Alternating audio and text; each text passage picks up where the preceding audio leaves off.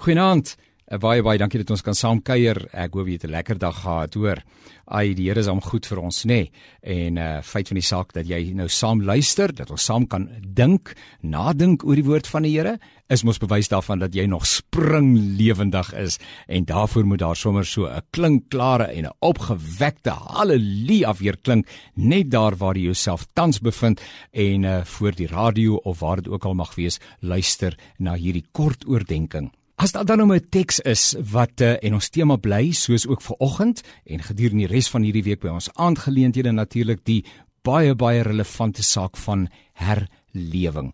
En daar's 'n klassieke teks wat aangehaal word wanneer daar verwys word na herlewing. Dis die teks in 2 Kronieke 7 vers 13 en 14. Ja, jy het my goed en mooi voorgesê. Ek hoor jou. Ek sien jy ken daai teks. Kom ek lees hom net weer vir jou en ons lees hom saam met mekaar. Dis tydens die inwyding van die van die tempel en die Here praat met Salomo en hy sê Salomo, as ek die hemel gesluit hou sodat daar geen reën is nie, dis baie ongemaklik, nê? En as ek die springkaan beveel om die land kaal te vreet, of as ek pes onder my volk stuur, wow, ons kom agter dit gaan nie lekker in die lewe van die volk nie, nê? En is direk toe te skryf aan die geestelike toestand van die kinders van die Here.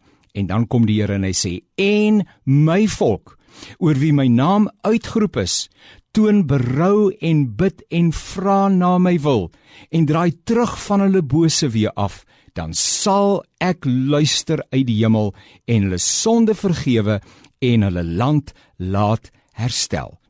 Die eerste woordjie van hierdie teksgedeelte vers 13 begin met as. En dan word daar 'n hele klomp kontekstuele aanwysers gegee wat 'n uh, 'n aanduiding is daarvan dat die volk in hulle verhouding met die Here veragter het en dat dit wat rondom hulle ervaar word direk toegeskrywe kan word aan die geestelike tamheid, louheid, flouheid, noem maar op wat in die lewe van die kinders van die Here ingetree het. Ek bedoel hierdie reën wat weerhou word, in die sprinkane wat die land afvreet, in die pes onder die volk, het alles daarmee te doen dat God se kinders nie meer is waar hulle veronderstel is om te wees in terme van hulle verhouding met hom nie. 'n Mens moet versigtig wees om alle faktore, alle dinge wat gebeur, direk aan die Here en sonde toe te skryf, maar miskien sal dit ons goed doen om in hierdie tyd in Suid-Afrika te vra of die ongemak wat ons tans belewe nie iets te doen het met die geestelike armoede van sy kerk en elke gelowige nie.